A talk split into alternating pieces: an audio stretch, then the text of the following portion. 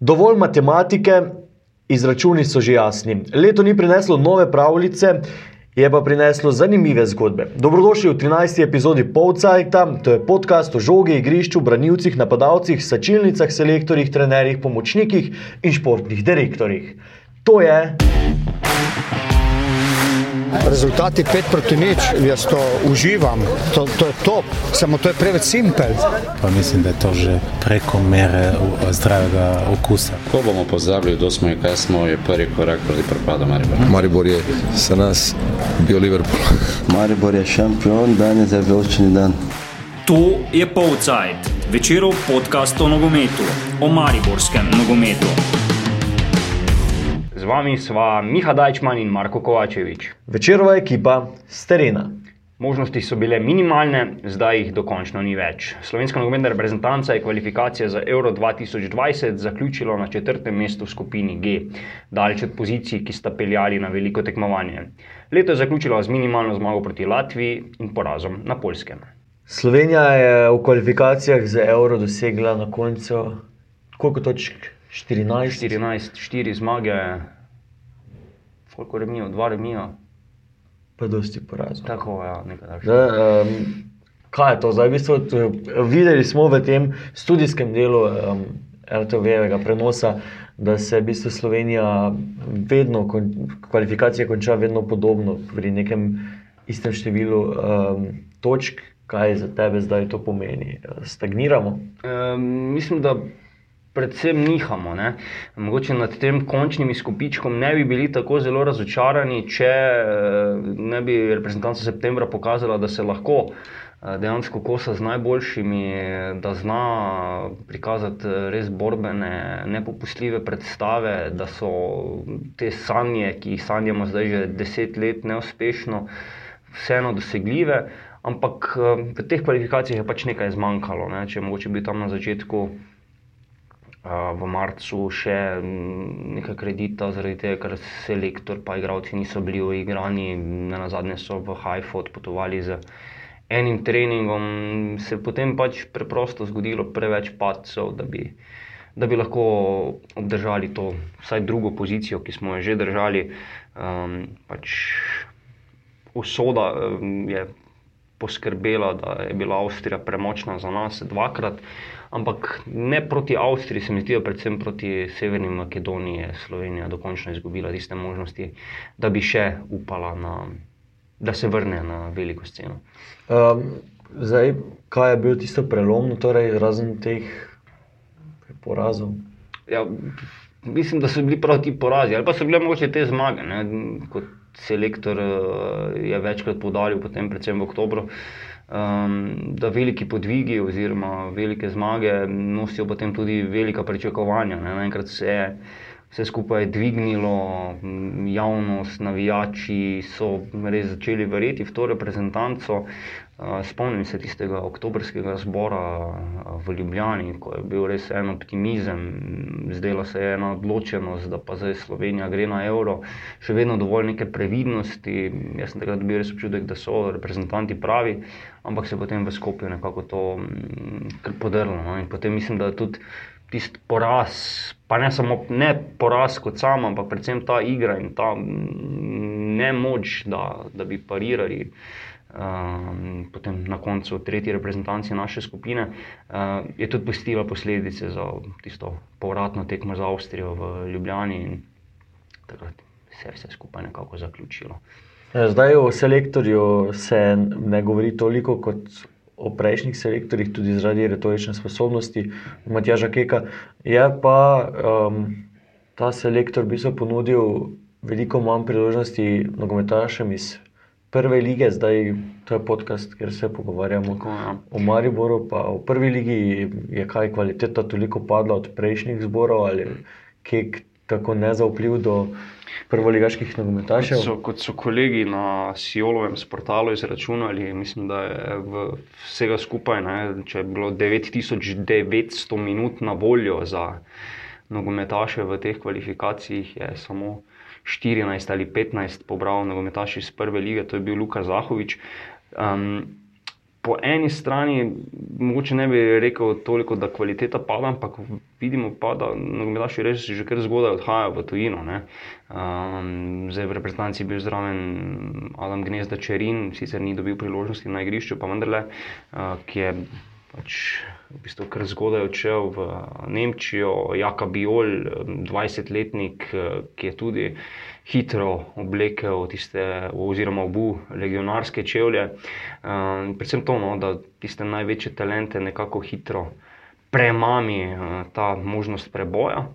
Kar pa po eni strani pove, ne, ker če je že nek preskok uspet tako zgodaj, potem ni več kot je bilo v nekih drugih časih, da je bila reprezentanca tista glavna platforma, kjer so si nogometaši nekako lahko zagotovili boljši jutri, boljšo eksistenco, se pravi, se pokazali nekim oglednikom in pa uh, morda dobili kakšno boljšo pogodbo na svoji nogometni poti.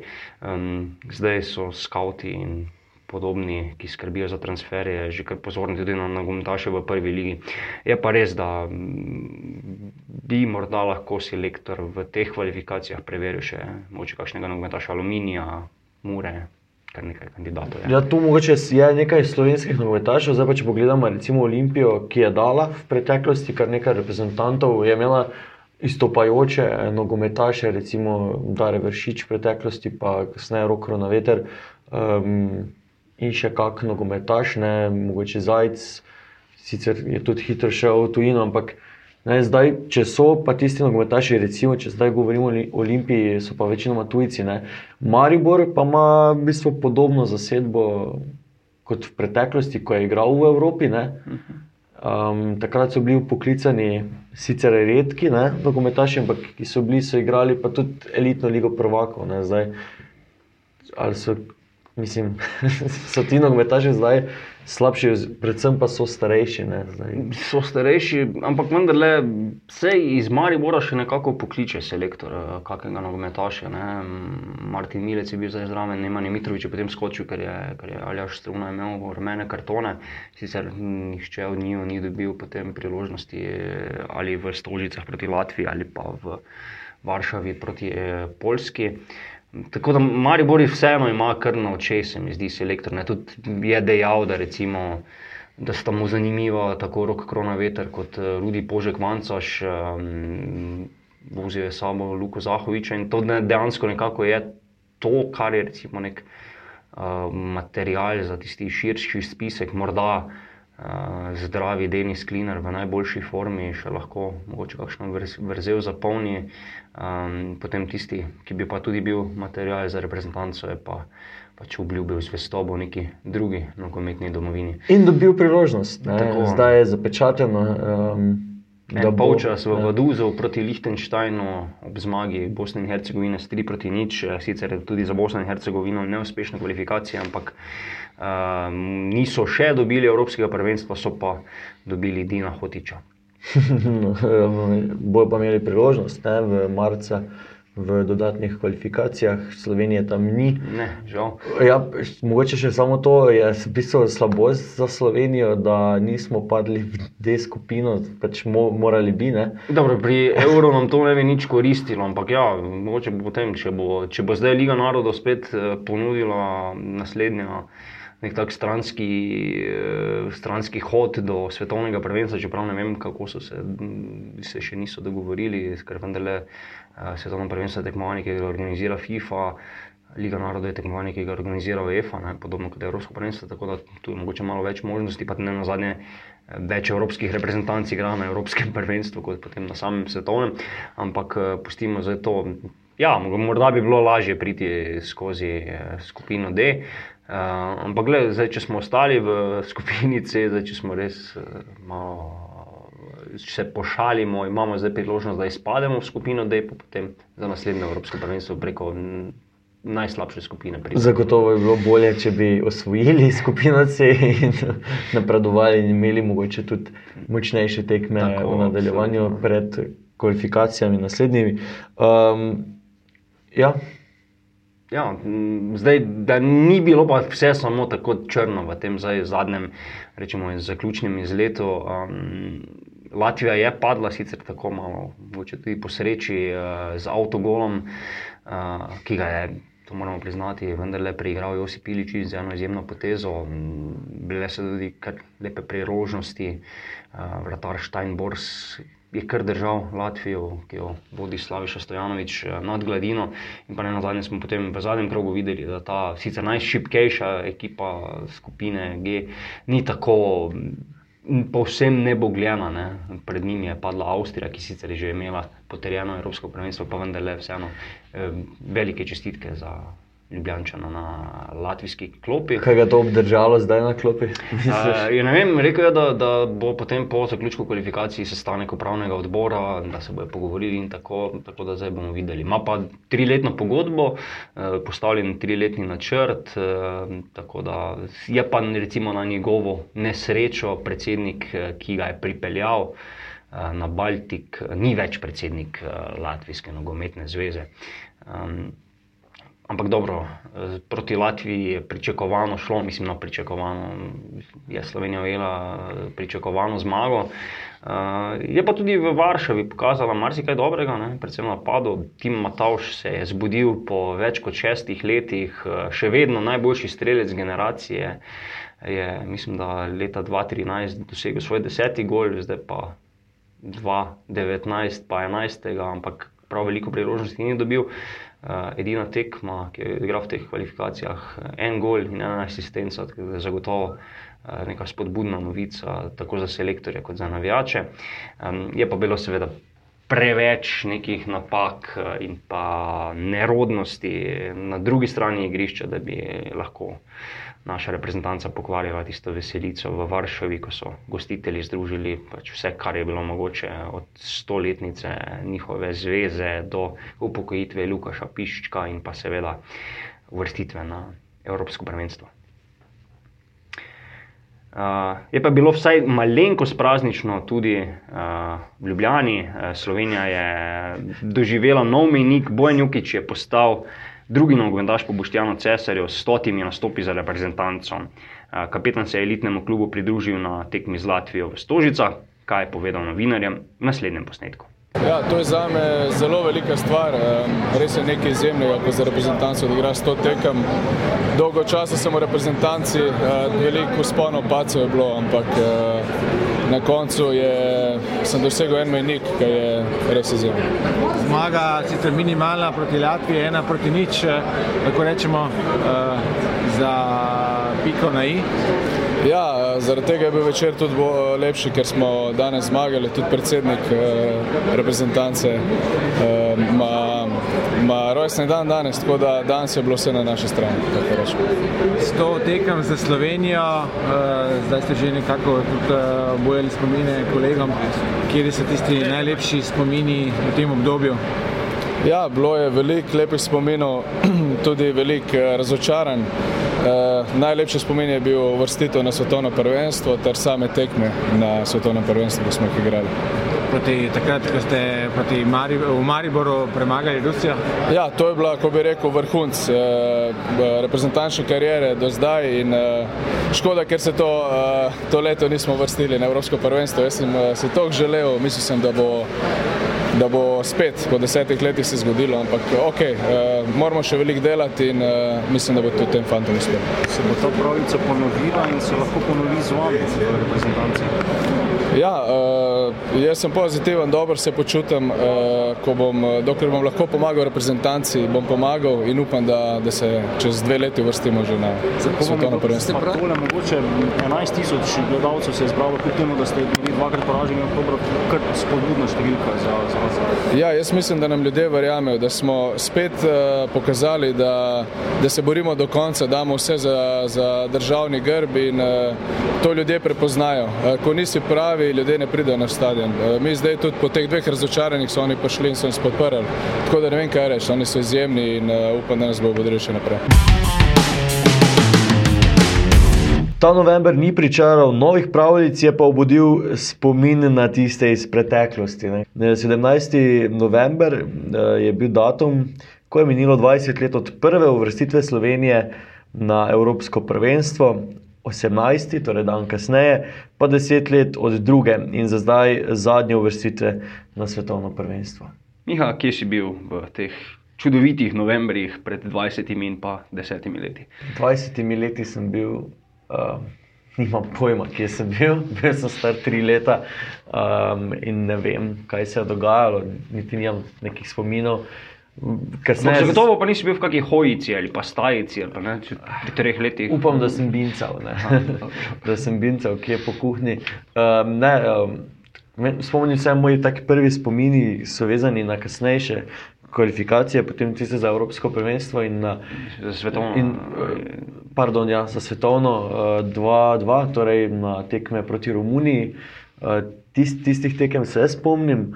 Um, zdaj pa, če kar preskočimo deset let kasneje, na 2-9, v bistvu tiste kvalifikacije so se igrale v Ljudskem vrtu in sem si ogledal čisto vse tekme. In za tekmo proti eh, Rusiji je bilo težko dobiti karte. Ne? Mislim, da so šle v spletno prodajo in so vsem, kot rečemo, krešnili računalniki ne? in sistemi. In, in k sreči smo s tricem dobila stopnice. Mogla bi sedeti skupaj po številkah, mm. ampak smo bila vsak na svoji strani izhoda na igrišče, današnjega izhoda na igrišče v Ljudskem vrtu, na novi tribuni, na vzhodu, um, na zahodu, sever, vzhod, zahod. Dobro, tam je bil takrat banner uh, Nogometne zveze Slovenije, ker so še vedno prihajali nogometaši izpod stare tribune, kjer je sedel tudi Medvedjev, pa Abramovič, uh, tako da tisto je bil res dogodek. Spomnim se, da pred tekmo je en navijač, eh, ruski, nama ponujal 500 evrov za vsako karto.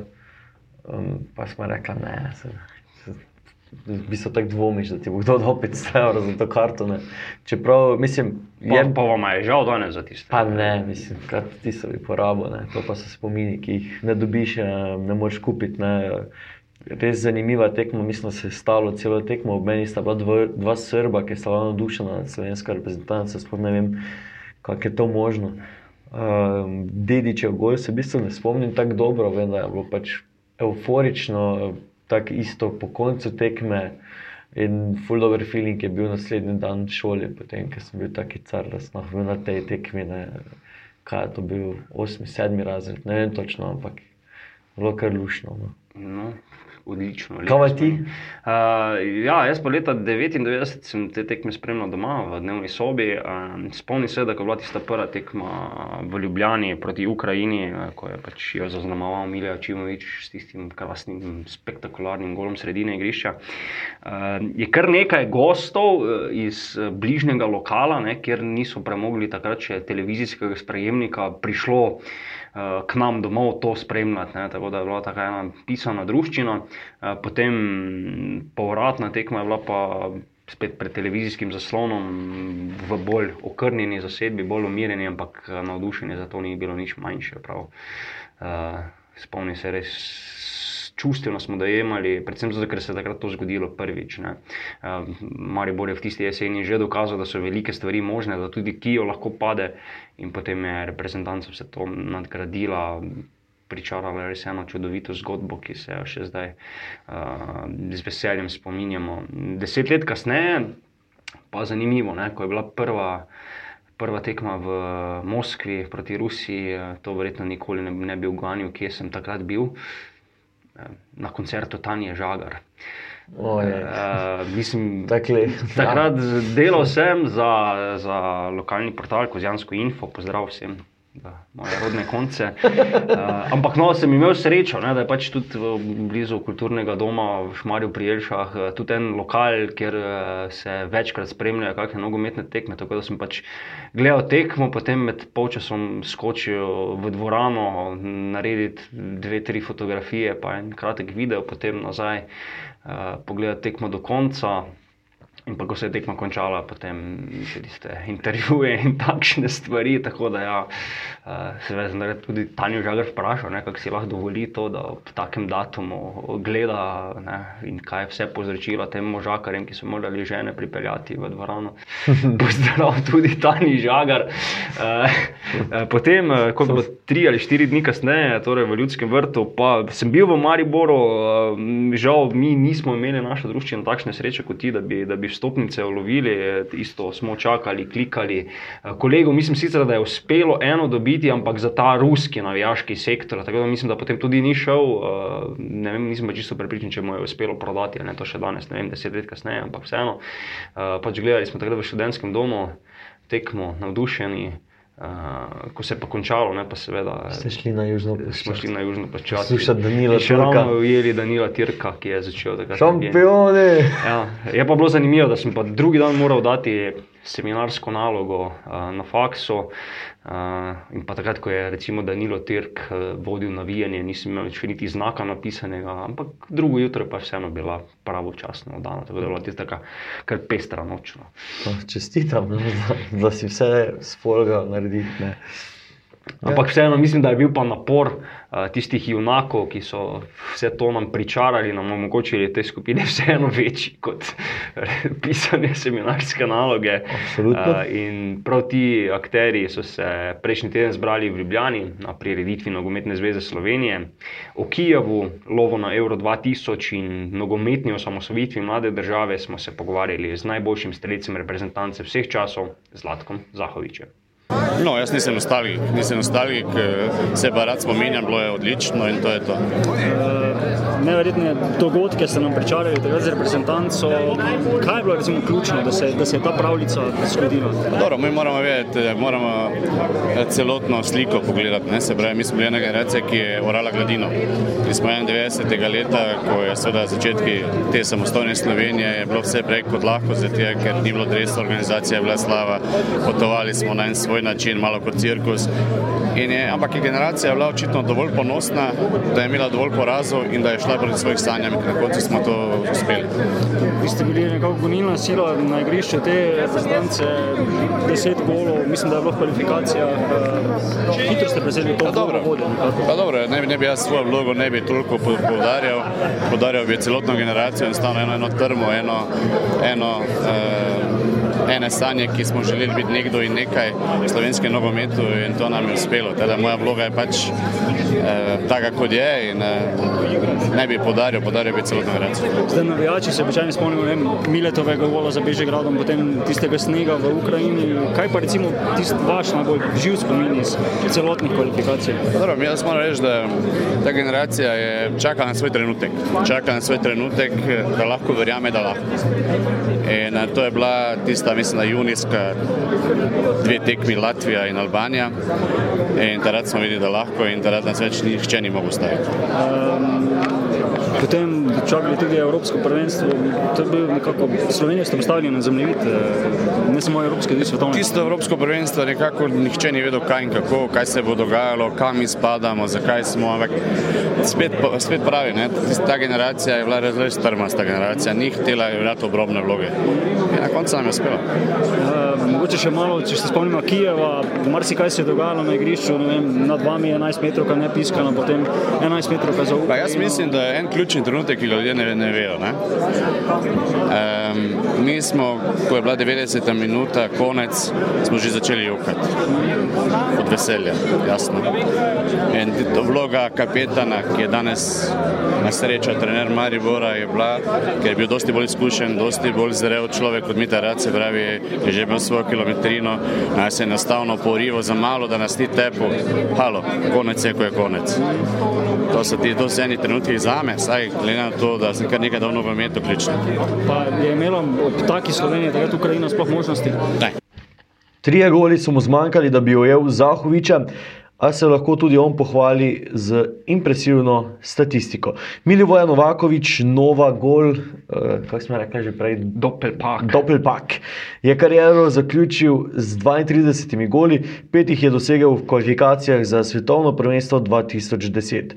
Vprašali smo ga, kako se spominja paca Rusije in poti v Južnoafriško republiko. Nova gol, nova gol. Kot prvo, danes manjka še ta glih nova generacija v tem trenutku, da, da bi ta november bil perfekten. Tako seveda mi smo zaznamovali nekaj naša generacija in zlata generacija, tako da res je, ko ta danes film pogledaš, občutiš uh, neke emocije v sebi. Uh, srček malo, malo hitreje igrati, tako da so bili lepi trenutki in seveda smo vsi ponosni na, na te trenutke, da smo združili Slovenijo. Vidimo, fanti, da smo še zmeraj v zelo dobrem odnosu in, uh, in taki, ki smo zdaj, takšni smo bili tudi na igrišču in mi smo bili prepričani v naš uspeh.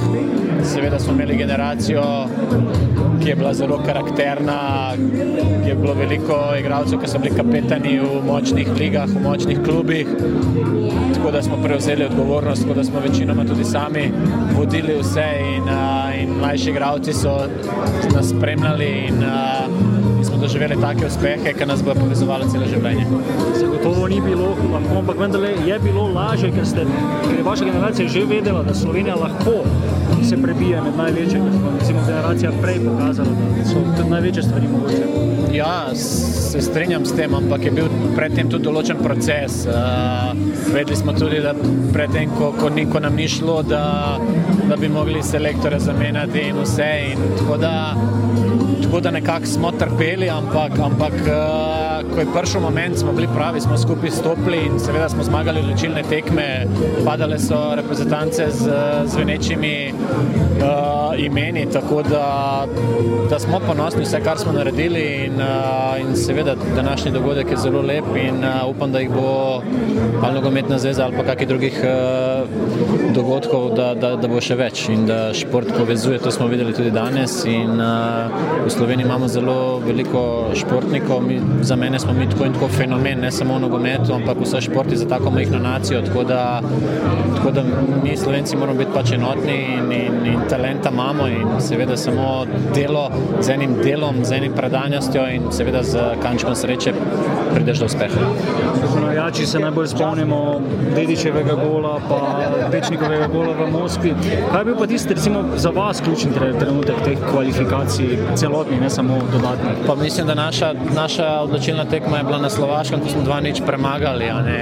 To je bila naša odločilni, odločilna tekma in smo vedeli, če Slovake zmagamo na Slovaškem, da, da so nam vrata odprta. In, uh, seveda v kvalifikacijah z Rusijo, ko smo dosegli gol v Rusiji, ko ga je Peča dosegel, to je bilo tako veselje na igrišču po tekmi.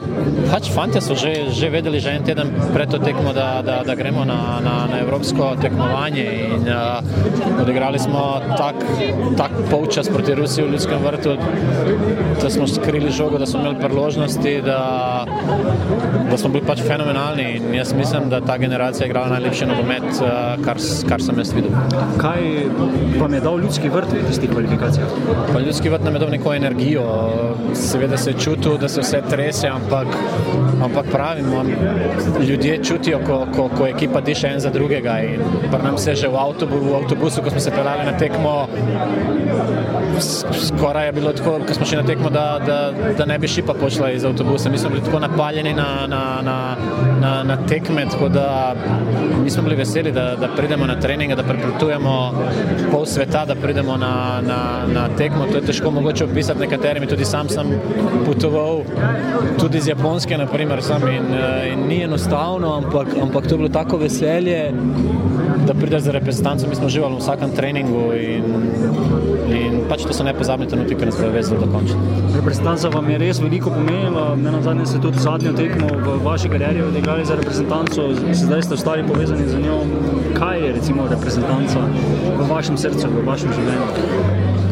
Jaz, jaz rečem, da, da sem imel zelo zelo težko kariero za sabo in pač cenim, cenim vse, kar sem naredil in, uh, in nikoli ne pozabim, odkje sem in odkud prehajam in kako je bilo prej in kako je zdaj. Tako da sem vedno na realnih tleh, ampak seveda, ko sem na igrišču, sem neki karakter, uh, rad pomagam, rad, rad da vsi napredujejo, da, da nekaj skupaj dosežemo in z nekim pogovorom, z nekim delom, z večjimi glavami smo bolj pametnejši. In, uh, in, uh, v Sloveniji je mogoče mogoče drugačna mentaliteta. Zdaj le šele spoznavam, ko sem končal kariero. Uh, ni enostavno, verjamite mi, na višjem nivoju je lažje delati kot pri nas. Uh, ti reprezentanti so zelo zadovoljni z vašo vlogo, vašimi nasveti, s tem, kar prispevate zdaj v aktualno reprezentanco. Kot vidimo na kakšnem treningu, bi še na igrišču lahko kaj prispevali. Ali... Tudi tako, samo da se pomaga, ni važno v kakšni vlogi, važno da pomagaš, važno da fanti spoštujejo tvoj naspet, važno da se veliko pogovarjamo med sabo. Seveda je neka nova generacija, rabi proces, tako kot smo mi rabili, tako kot so vse generacije rabili, ampak mogoče v današnjem času ni, ni toliko časa, tako kot prej. Tako da ni, ni enostavno, ampak pač danes so fanti drugačni, kot smo bili mi in danes je telefon. Uh, vse, ne, prej je bilo druženje, zdaj je telefon, prej je bila ulica, zdaj je internet, tako da, da ni enostavno, ampak, ampak, uh, ampak zdaj v tem trenutku smo s, fandova, s fanti zadovoljni. Pravim še enkrat, da je proces, ampak z enim delom, z, en, z eno, oni se morajo med sabo povezati in ko se bodo oni povezali, ko bodo čutili, da so en zraven drugega, da en ščiti drugega, takrat bodo tudi prišli rezultati. Po končani reprezentančni akciji je spet na sporedu prva liga. Dokumentaši Maribora so se na odmor odpravili s prepričljivo zmago proti Domžalam, ki so v ljudskem vrtu padle s 4 proti 1. Vijoličasti imajo tri kroge pred koncem jesenskega dela prvenstva, dve točki manj od Olimpije, 34 so poravnani z nevrjetnim aluminijem. Prav v Kidričevem jih čaka naslednja misija. Uh, Miha, v prejšnjem podkastu smo ugotavljali, ne, ko je bilo še vse še v znamenju evakuacij in bomb in detonacij in podobnega, če lahko v ljudskem vrtu eksplodirajo domžale. Ja, Maribor je eksplodiral. Ne? Ja. No, ali pa so domžale bolj razpadle. ja, razpadle, deaktivirale. Deak še ena de- deaktivacija je uspela v, Mariboru. Ne. Ja, zagotovo je bila ta predstava proti Domžalam, vse kar se tiče te mariborske strani, eh, najprepričljivejša med oktobrskim in novembrskim reprezentančnim terminom, tako da kar taka solidna popotnica no, za, za, ta, za ta finiš prvenstva. Uh, je pa res, da pač so Domžale kar precej postile Mariboru te kreativnosti, ustvarjanja in podobnih reči, vse, kar se napada tiče. Zdaj v Mariboru je vseeno odigral prijateljsko tekmo, čeprav smo takrat smo se pogovarjali, da, da nekaj napovedane ni. Uh, igrali so celo med sabo, um, rumeni proti vijoličastim, mm. kar sem celo ujel v ljudskem vrtu, ko sem šel na karjerni sejem. um, in ja, v bistvu je takrat padlo veliko eh, golov, to smo lahko prebrali na spletni strani um, nogometnega kluba Maribor. No, tista bolj um, na očeh vseh je pa bila tekma proti amaterski ekipi Šturma, ki vodi v tretji ligi, tretji ligi osrednjega dela Avstrije. Nekaj takšnega, oziroma v srednji skupini tretje lige v Avstriji, ne podobno.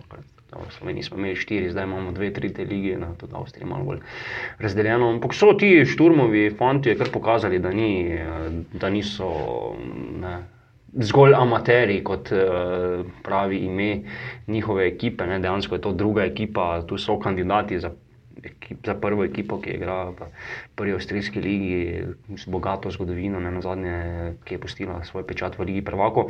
Ampak pustimo zdaj to, ja, mislim, da se Cepil piše, fant, ki je res spektakularen gol dosegel tam z 20 metrov z desnega roba kazenskega prostora. Res Golčina. Odlično tresnil.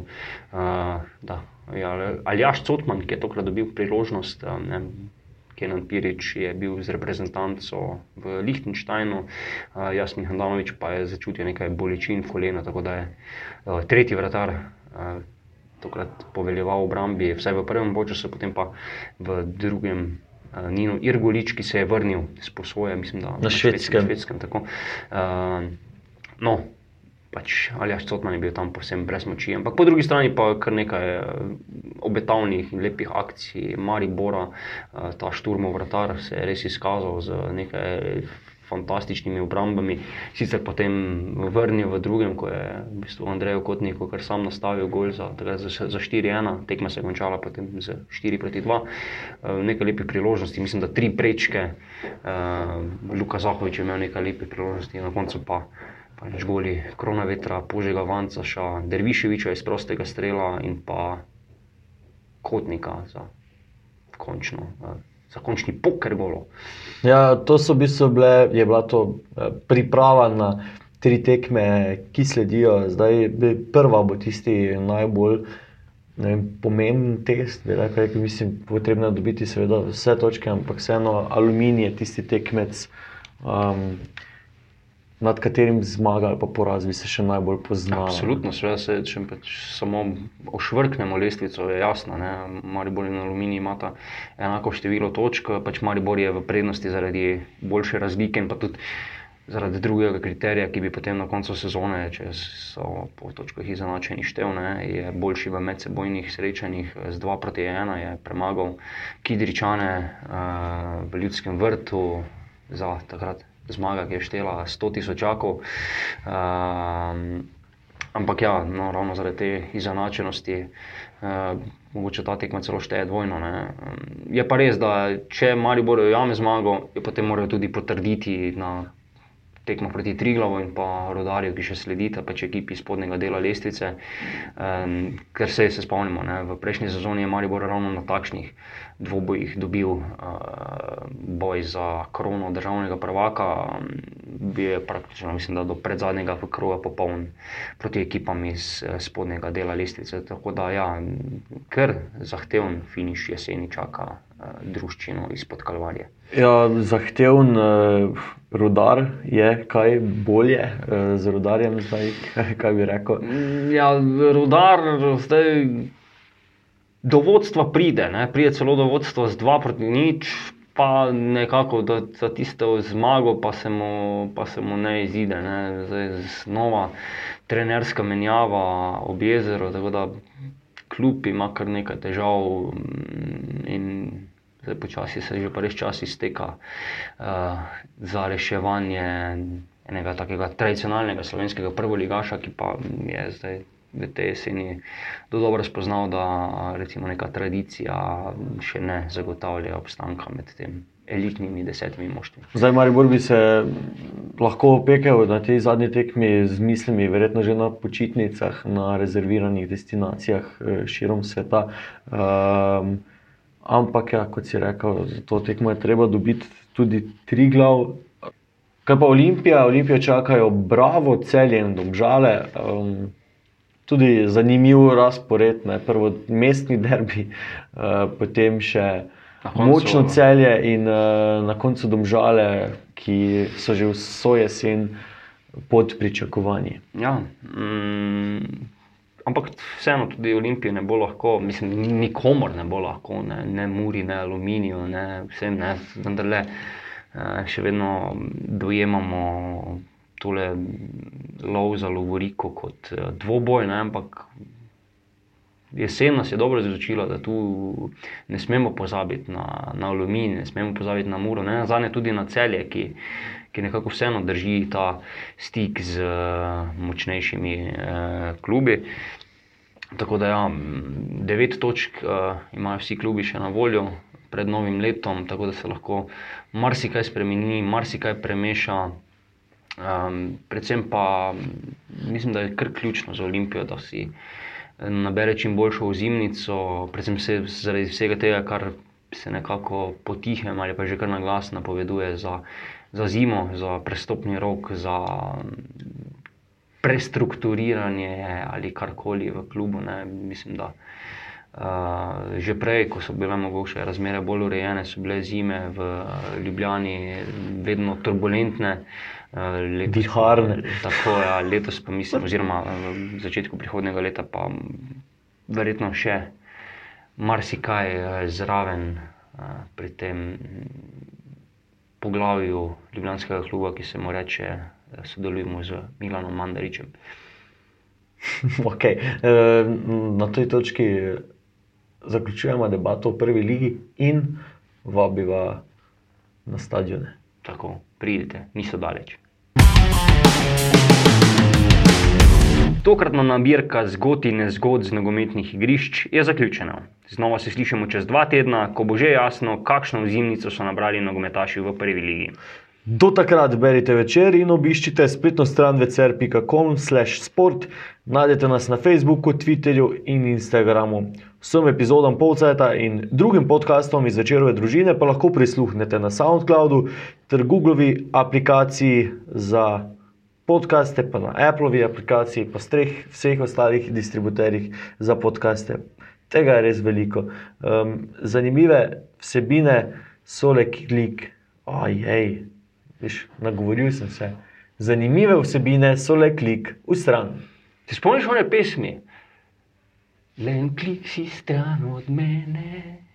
Prevečujem. To je bilo tam nekje v, v času, ko je Slovenija šla na, na Evropsko prvenstvo, se je vrtela na video spotnicah, eh, ne spomnim se avtorja, ampak dobro. Aj, sam je lepi spomini.